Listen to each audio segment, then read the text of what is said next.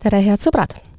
saade, mida te hakkate kohe kuulama, kannab pealkirja Vaim Vardas ja saatejuht on Vilja Kiisler.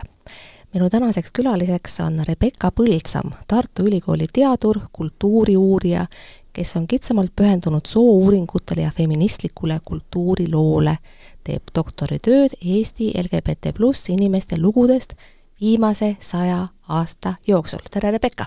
tere! Kas on midagi, mida peaks sellele kitsale kokkuvõtvale tutvustusele teie kohta lisama? jaa, võib lisada, et ma olen veel ka Feministeeriumi äh, kaastoimetaja ja hiljuti liitusin ka Eesti soouurimusliku teadusajakirja Ariadne Lõng äh, toim-, toimetusega, nii et äh, nii palju, see, see, need on minu lisaülesanded ja, ja tiitlid suurepärane. meie tänase kohtumise ajendiks on hiljuti ilmunud tore raamat, alles värskelt trükisoe, kannab pealkirja Kalevi alt välja ja kätkeb LGBT pluss inimeste lugusid üheksateistkümnendast ja kahekümnenda sajandi Eestist. seal on siis päris palju selliseid konkreetseid näiteid nende inimeste kohta, kelle, kes on alati olemas olnud, kes on elanud oma elu vaatamata sellele, missugune on parasjagu riigikord või missugused on võimulolijate poliitilised ja mingisugused muud inimlikud veendumused. raamat on ilmunud tähistamaks homoseksuaalsuse dekriminaliseerimise kolmekümnendat aastapäeva.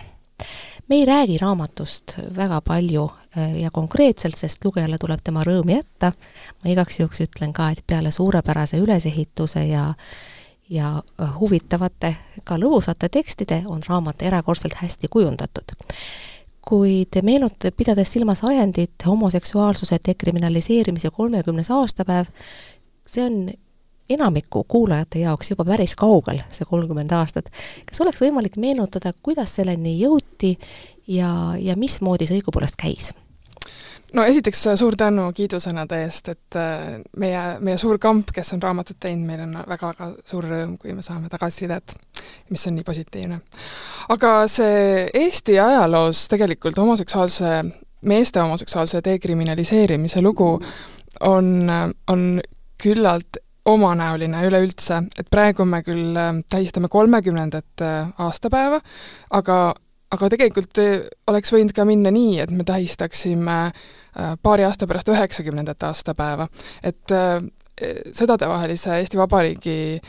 seadusandlusest võeti samuti äh, nagu üheksakümne teise aasta uues siis Eesti Vabariigiga kriminaalkoodeksist välja siis nõusolekupõhised homoseksuaalsed suhted. ja tegelikult, kui uurida Nõukogude Liidu homoseksuaalsuse ajalugu, siis kogu selle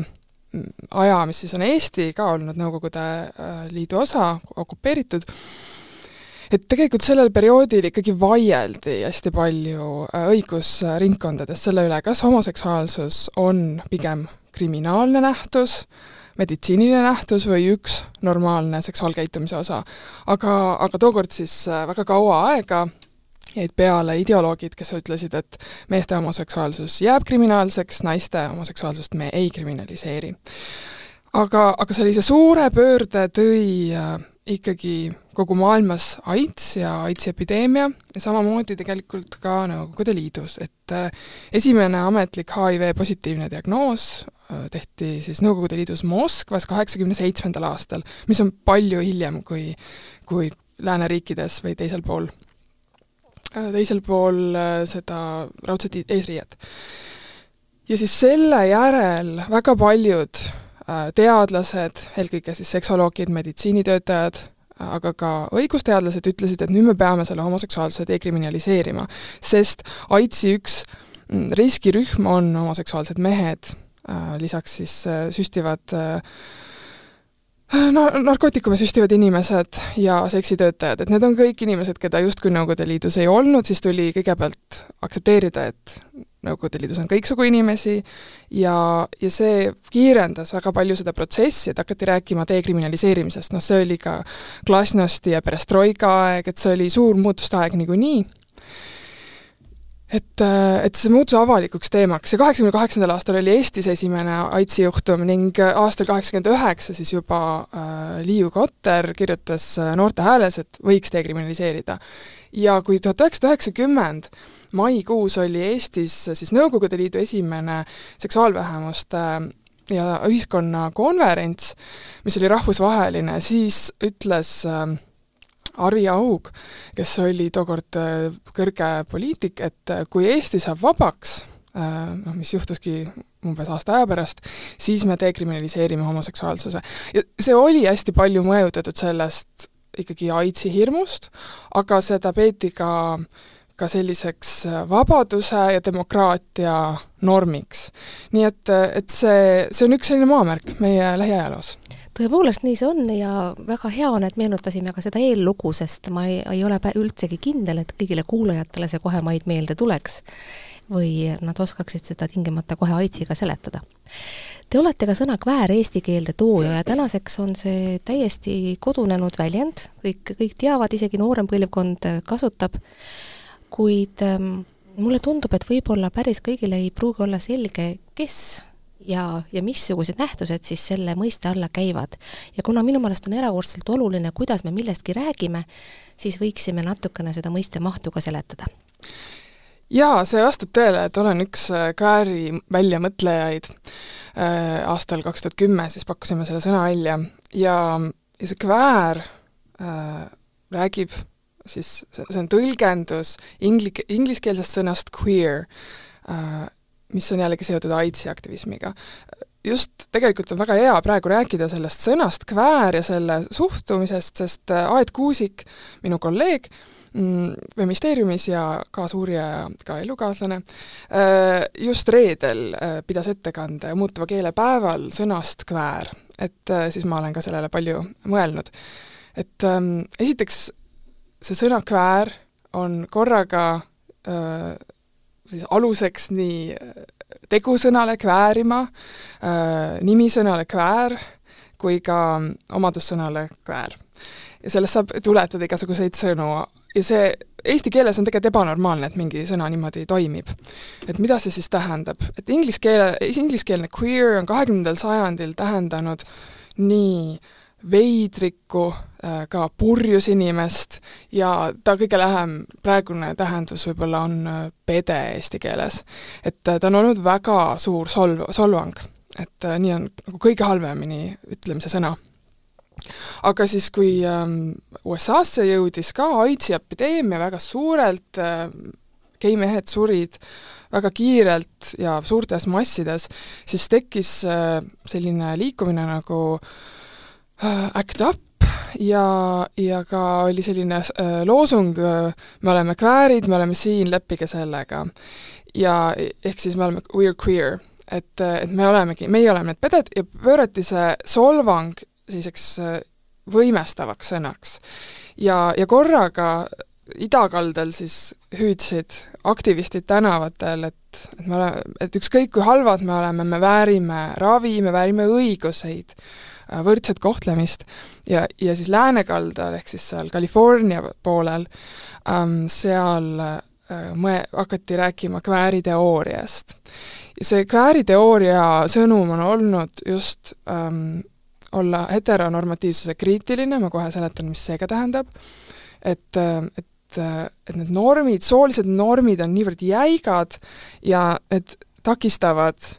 mingis mõttes nagu eluga edasiminekut ja, ja võib-olla õnnelikku elu nii rohkematele inimestele.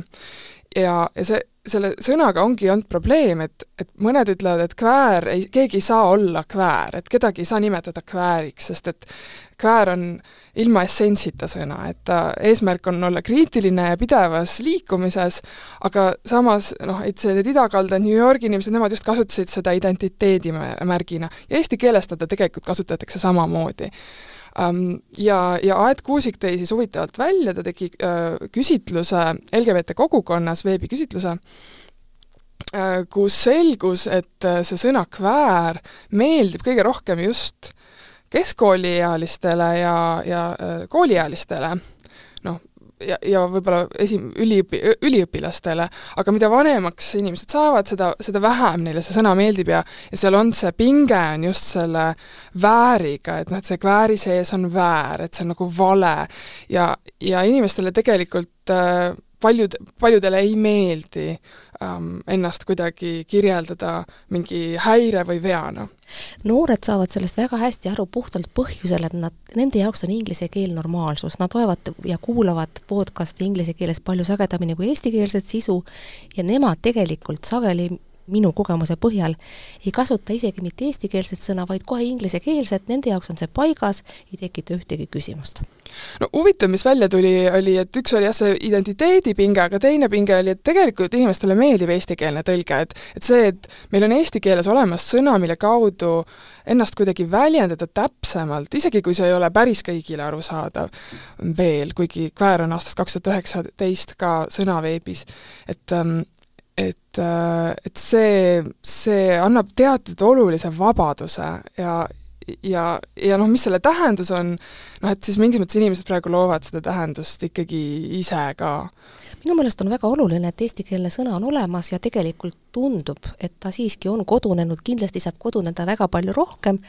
aga peame silmas ju seda, et need inimesed, keda see sõna tähe, tähistab, neid ongi vähe, nad on alati vähemuses ja seetõttu ei, ei saa ka loota, et kõik nende peale alati mõtlevad minu meelest on tähtis, kuidas me millestki räägime, kuid ma tean, et kõik inimesed ei ole minuga nõus. Kuivõrd teie meelest on oluline ja avardab arusaamist viidatavast valdkonnast see, kuidas me kõneleme? ehk seesama sõna, aga nagu, nagu väga paljud teised ka, mõnda aega tagasi oli ju täiesti normaalne kõneleda soovahetusest, tänapäeval me ei räägi sellest, kõneldakse soo tunnustamisest. Ja neid näiteid võiks tuua teisigi. kas sõna täpsus ja, ja terminite korrektne jälgimine avardab ka arusaama ja suurendab empaatiavõimet, võiks ju? ma ei tea, kas see empaatiavõimet nüüd suurendab, ma arvan, et empaatia ei ole kindlasti ühepoolne äh, mingi tegevus või, või nähtus, et, et empaatia on tavaliselt kahepoolne. aga kindlasti arusaadavust ja seda, seda vabaduse tunnet, et ma võin ennast väljendada nii omas keeles ähm,, et see annab väga olulist jõudu juurde, et praegu üks äh, palju suuremat äh, segadust tekitav sõna on mittebinaarne, et mingis mõttes ta, noh, ta on selline toore, toores tõlge ja, ja noh, et siis noortel jällegi, kes on selles ingliskeelses keeleruumis, nende jaoks seal ei ole küsimusi, nemad saavad täpselt aru, mis see tähendab, aga no mittebinaarne tegelikult ei ole ainult soo kohta käiv sõna, et ma arvan, kui me vaatame kaasaegset filosoofiat ähm,, mulle endale väga meeldib selline metamodernismi vool, mida esindab äh, Timoteus Vermeulen, ja Robin van den Acker, et, et me elamegi mittebinaarsel ajal, et, et asjad ei ole dihhotoomsed, nad ei ole kogu aeg vastanduses, et ei ole õige ja vale, noh õige ja vale muidugi võiks olla veel vastanduses, aga aga et, et me näeme neid, neid erinevusi või, või maailm ei ole vastanduste kaudu enam, vaid me vaatame vähemalt kolmest-neljast vaatest, no Lotman mõtleb ka kolmeselt, et ma arvan, et see ei ole mingi täiesti võõras maailm, aga me näeme, tajume seda palju rohkem, et kui me vaatame poliiti-, poliitikat, et siis seda selget põhimõtete vastandumist on väga-väga vähe. aga mm, poliitika puhul ma ei ole nõus, aga poliitikani me veel jõuame jah, et kas, kuivõrd see noh, nii totaalne, see vastandumine. aga, aga jaa, et näiteks ma tahtsin just seletada, et mis on siis heteronormatiivsuse kriitika, et Kväär peaks seda sõna, sõna Kväär peaks seda nagu kätkema, et me elame ajal, kus ühelt poolt on võimalik nii naistel kui meestel teha kõike, et kleiti võivad kanda kõik, kontsi võivad kanda kõik,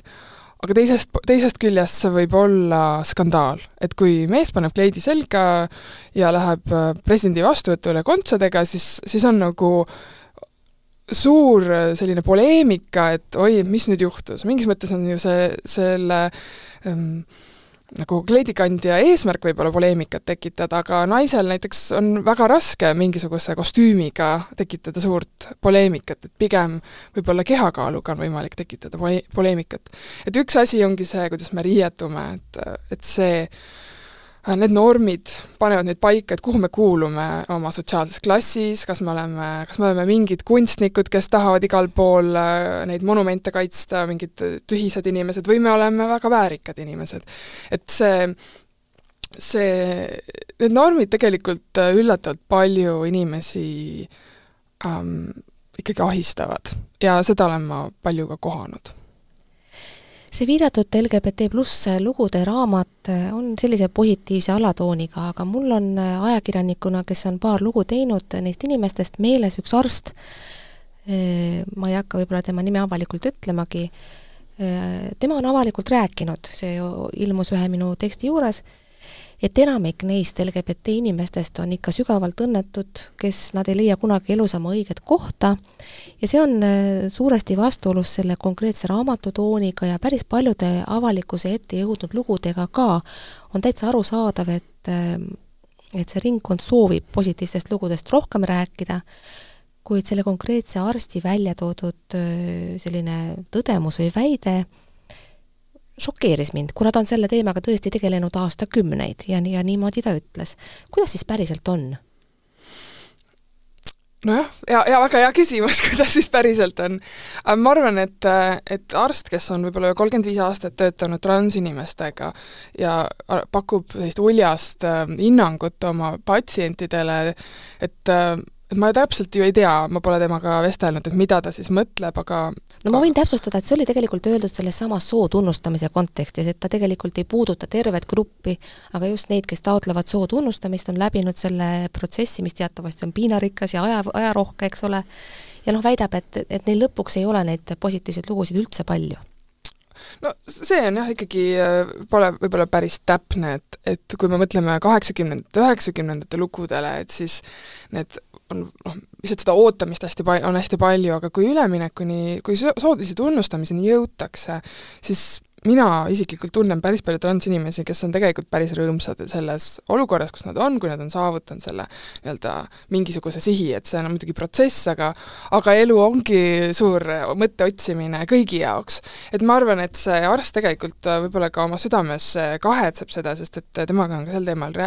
võetud ühendust, et mi-, miks ta nii karmi hinnangu annab, et millele ta toetub, aga et noh, et see, et see tema subjektiivne tunne on ja see on muidugi tõsi, et et ähm, transinimestest rääkides mm, palju, ühelt poolt äh, nüüd LGBT ühingu aruanne, mm, mis uuris seda nii-öelda ähm, vahepealset sooala, ehk siis äh, movable middle, ma ei tea, mis selle parim äh, tõlge on, ei tule praegu meelde. Et, ähm, et transinimeste kohta on kummalised, minu jaoks kummalised ähm, eelarvamused, et ühelt poolt, et neil on hästi raske, sest et nad on vales kehas ja vales kehas olla, et kui inimene, kes ei ole transsooline, vaid on paiksooline, mõtleb, et issand, et ma peaks oma keha kuidagi muutma,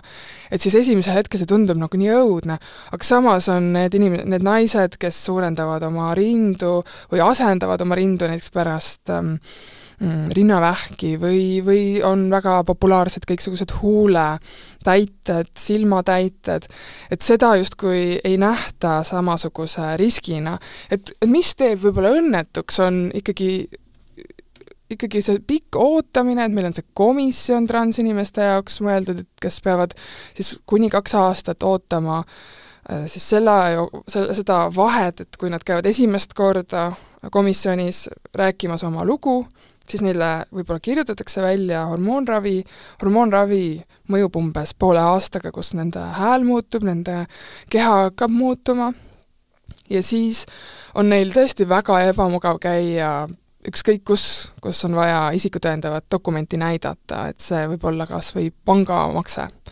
et, et nüüd hakatakse kahtlustama, et kes see on, kel, kes te olete, apteegis ravimeid ostes näiteks et, et see ootamine on, on, on küll üks suur agoonia, aga kui see läbi saab, saab dokumentidega asjad korda, siis inimeste elu muutub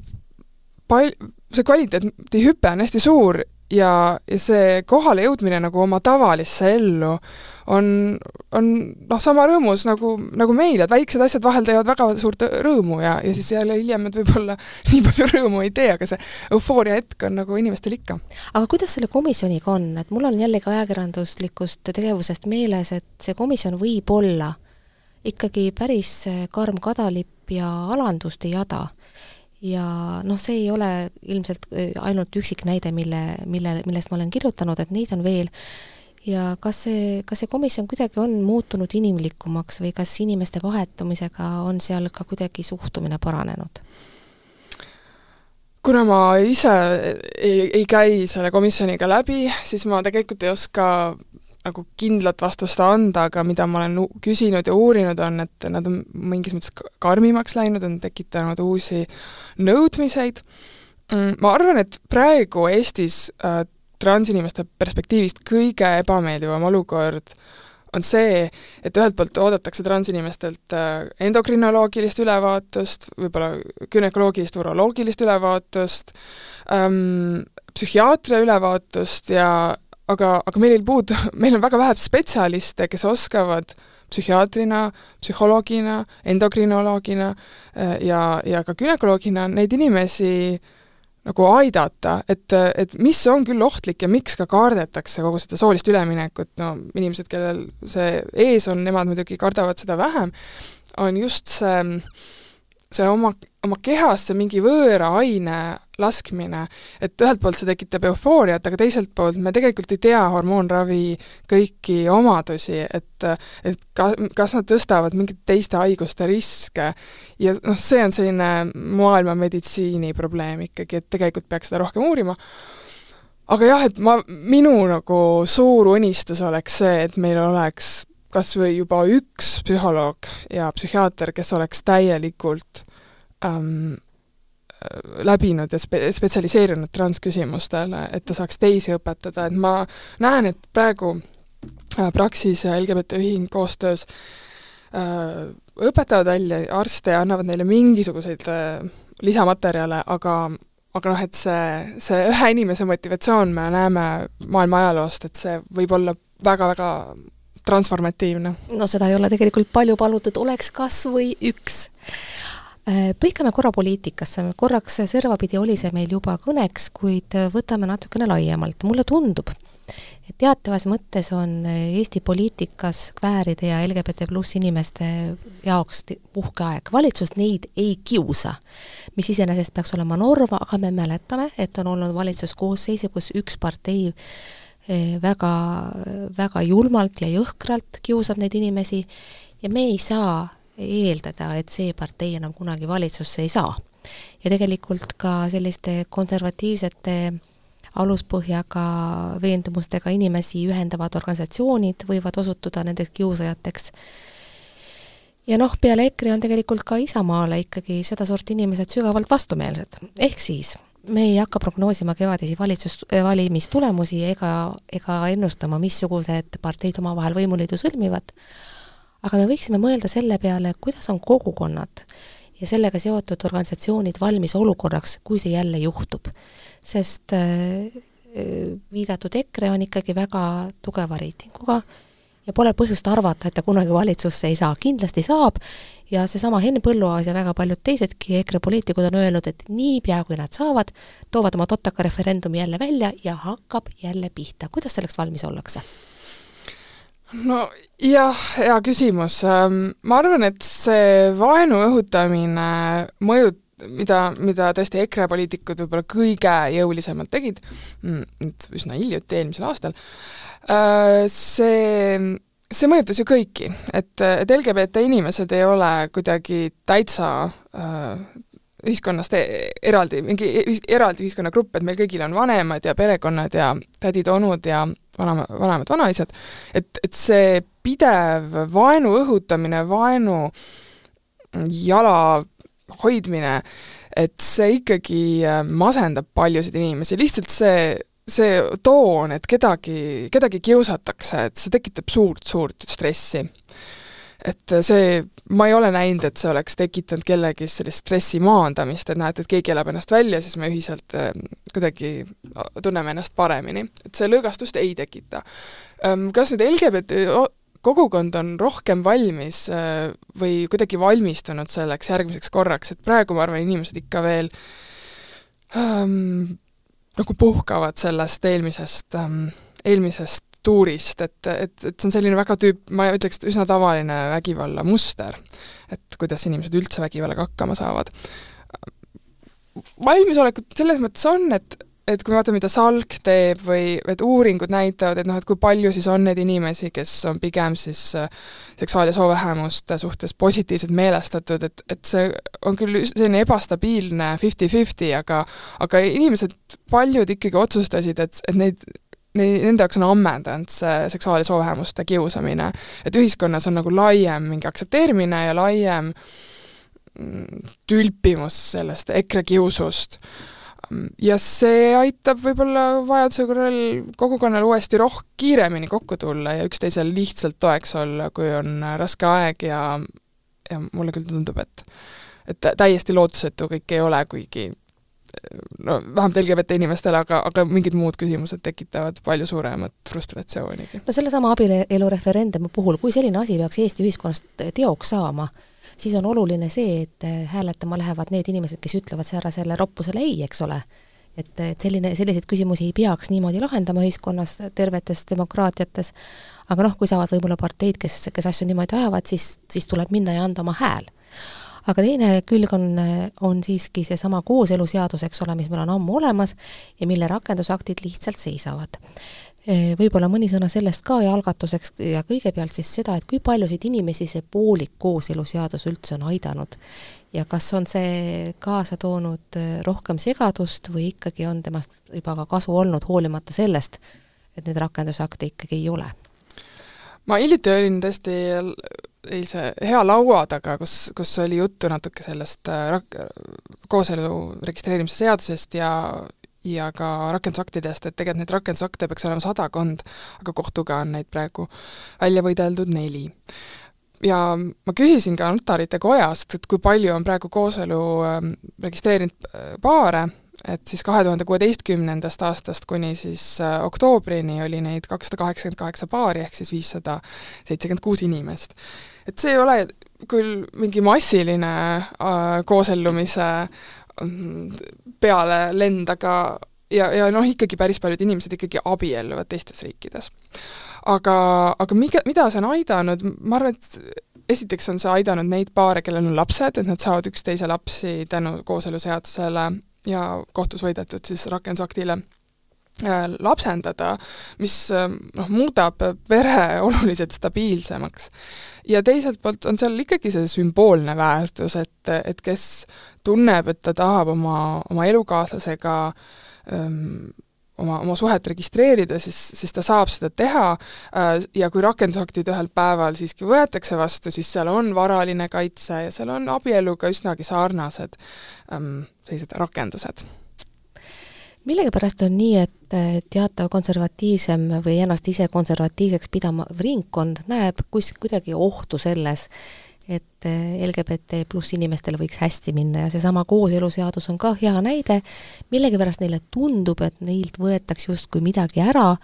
kuigi pooltkõnelejad on vägagi veenvalt rõhutanud ja põhjendanud, et mitte keegi ei jää millestki ilma, lihtsalt need, kes peaksid olema ühiskonnas teistega võrdsed, saavad juurde need õigused, mis seni puudusid. kas sellel on mingisugune ratsionaalne põhjendus ka, et osa inimesi tunneb justkui nad jääks millestki ilma siis, kui keegi teine saab selle, mis talle õiglaselt peaks kuuluma? seda on kahjuks vähe uuritud ja peaks kindlasti rohkem uurima, et ma pean ütlema, ma isiklikult ei ole mingit väga head äh, homofoobset argumentatsiooni kuulnud, et miks ei peaks äh, vähemused saama seksuaalvähemused saama võrdseid õiguseid, aga aga kui ma räägin nüüd oma doktoritööst, et äh, minu jaoks oli selliseks ähm, valgustuslikuks hetkeks ähm, seesama tuhande üheksasaja üheksakümnes aasta, et Prahas korraldati Helsingi mm, kodanike assamblee, seal oli ligi tuhat inimest üle Euroopa, kes olid kõik inimõiguste aktivistid, see oli suur äh, Vaklava Havli oli kokku kutsutud inimõiguste konverents. Ja ja sellest ma olen seda uurinud, mis siis selle tagasiside oli, sest äh, Mati Hindki oli üks äh, delegaatidest, kes läks Eestist sinna ja Reede, ajalehes Reede on kirjutanud sellele kokkuvõtte, kus ta siis ütleb, et et meie siin Ida-Euroopas, me tahame noh, et meid isegi seal ei võetud sellel konverentsil eraldi siis Eesti või Läti, Leedu äh, delegaatidena, vaid me olime Nõukogude Liidu delegaadid ikka veel, kuigi me nõud-, palusime väga, et meid autonoomsetena käsitletakse, ähm, meie soov majandusliku, poliitilise mm, iseolemise ja õiguseks, mis oli ka inimõiguste siis no Helsingi kokkuleppe inimõigusena kehtestatud, et ra-, riigid, rahvad võivad ennast ise määratleda. et, et seda marginaliseeriti, et lääne inimesed ei saanud aru, et, et noh, et see on mingi lahendatud probleem, et küll te, küll teil see kõik laheneb, mingid poejärjekorrad ja defitsiit, et meil ka oli, noh, keegi Holland on öelnud, et meil ka pärast teist maailmasõda olid järjekorrad, aga küll see möödub ja, ja samal ajal oli see Praha konverents üks esimesi suuri konverentse, kus sõnastati Euroopas äh, naiste ja LGBT lesbide ja geide, mitte siis transinimeste äh, õiguste sellised nõudmised. ja need, seda tehti, ja need naiste ja ja geide, lesbide õiguste, õiguseid nõuti inimõiguste siis sellises ma ei tea, mis chapter või, või sellises eraldi mm, peatükis, peatükis sellel kon-, suurkonverentsil ja, ja selle, tek-, sellepärast tekkiski siis nende lääne geide, lesbide ja feministide ja Ida-Euroopa äh, tihti siis katoliiklaste ja, ja patriarhaalsete meeste vahel suur konflikt. et ja, ja üks Ukraina endine dissident, kes oli kaksteist aastat tookord siis juba vangis istunud oma dissidentluse eest, et ta tahtis Ukraina vabadust, ta ütles, et näete, et me, et nemad tahavad oma viimaseid õiguseid, kui meil pole veel esimesigi. et ma, noh, ma ei saa öelda, et need tänase päeva kõige ähm, sõnakamad homofoobsed inimesed, nad, et, et nad tunnevad majanduslikku ebakindlust, aga aga ma arvan, et seal on mingisugune ühenduslüli küll, et tuntakse ise ilmajäetust, sest me ei tea nendest homofoobidest tavaliselt midagi, me teame, et keegi kuskil uriseb, aga noh, et mis neil, mis neil tegelikult, kus nende king tegelikult pigistab, et mida nemad vajavad, et, et seda me kahjuks ei tea piisavalt hästi, et seda võiks rohkem uurida, rohkem teada, mm, ma arvan, et äh, Eestis on,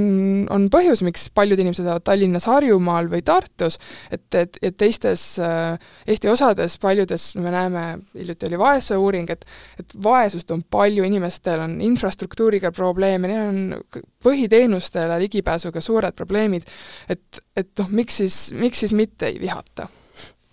jah, miks siis mitte vihata, tõepoolest. kui juba tuli natukene jutuks ka selline rahvusvaheline kontekst, siis võiksime mõelda selle peale, te olete kindlasti sellega palju paremini kursis kui mõni, mõni teine või, või konkreetselt saatejuht, missugusena paistab Eesti välja eh, kvääride elu võrd, võrdluses teiste maadega? Et kui, kui hästi meil läheb, vaadates Euroopa konteksti, ja miks siis mitte ka laiemalt? ma saan aru, selle, selle teema peale me võiksime kulutada hea mitu tundi, aga no proovime niimoodi kokkuvõtlikult sõnastada seda, kus me, kus me oleme, kuidas me paistame jah, no Eesti on ju sellise väga erilise koha peal, et kui me vaatame Baltikumis, Baltikumi kontekstis võrdleme neid äh, geide, lesbide ja transinimeste õiguseid, siis Eesti on see lipulaev ja näitab ette, et kus on kõige parem, kui me vaatame Põhjamaade kontekstis, siis, äh, siis on ikkagi Eesti kõige taga, kõige taga, sest et no näiteks Taanis oli kooselusead-, seadus juba aastal kaheksakümmend üheksa olemas. Ähm, aga samal ajal me, nagu Taani, samamoodi Eestil, on probleeme siis äh, LGBT argumendiga asüüli äh, taotlejatega, et nad ei taha neid nii väga võtta või ei usalda, et et, et noh, need probleemid selles mõttes, kuidas äh, Rainbow Europe või siis ähm, ILGA on Euroopa Liidu gei ja lesbi ja transinimeste õiguste organisatsioon, mis teeb iga-aastaseid monitooringuid, et noh, nemad näevad ikkagi noh, vaatavad väga-väga kompleksset äh, kogumit igasuguseid seaduseid ja õiguseid ja praegune ettekirjutus on, et meie see äh, soolise tunnustamise mm, protsess on, on teinud suure tagasi, vähikäigu, et me mingis mõttes elame nagu üheksakümnendate alguses. aga miks on nii läinud kõrvalepõikena? miks siis nii? mis see põhjus on, kes, kes on selle, noh, tahaks väga lihtsalt küsida, kes on süüdi, kes on selle põhjustanud? Ei no ikkagi see so-, hoolimatus ja soovimatus tegeleda vä-, vähemustega on, on, on süüdi, et ma arvan, Eesti poliitika on, on olnud hästi selline ja-, jaanalind äh, siis liiva all, et, et ei taheta tegeleda justkui ebamugavate teemadega, et ei osata, ei osa-, ei osata nagu head visiooni luua ja et, et noh, et see on positiivne, kui inimestel on võrdsed õigused, et ähm, et noh, mina LGBT inimeste uurijana võin nagu iga kell öelda, et õigused peavad kõigil ühe, ühes, ühtemoodi võrdsed olema, et olgu need hea või halva iseloomuga, olgu need äh, pärit äh, Tapalt, Pärnust või, ähm, või Hawaiilt, et, et noh, et see on nagu selline hästi suur põhimõte ja ja see miskipärast ei ole meie ühiskonnas hästi veel kohanenud, aga no teine asi, mis välismaal käies tihti silma hakkab, on, on, et feminism ja ja ka LGBT teemad või selline kvääri subkultuur on tänavaruumis palju paremini nähtav, et olgu see siis sellised, selliste värvikate kujude ringi käimine,